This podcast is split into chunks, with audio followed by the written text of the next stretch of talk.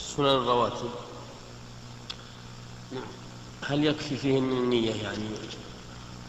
مثلا ما تنوي هذه للظهر؟ مثلا لو كان عليك فوائد.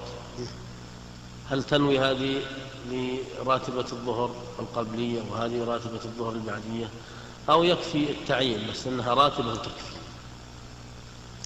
الشيء المعين لابد من تعيين. فراتب فإذا أردت أن تصلي راتب الظهر لابد أن تنوي راتب الظهر. إذا كان عندك عدة رواتب. وكذلك الفريضة أيضا. لابد تعين.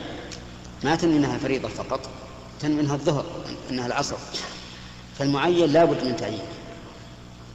إلا أن بعض العلماء رحمهم الله قال إن المعين إذا لم يكن معه غيره يكفي أن أن ينوي الإنسان أنه يصلي فريضة الوقت.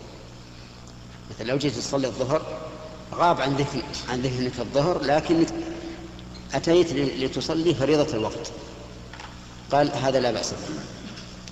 لأن تعيين الوقت بمنزلة تعيين الصلاة. وهذا قول فيه فيه فسحة للناس وفيه تسهيل عليهم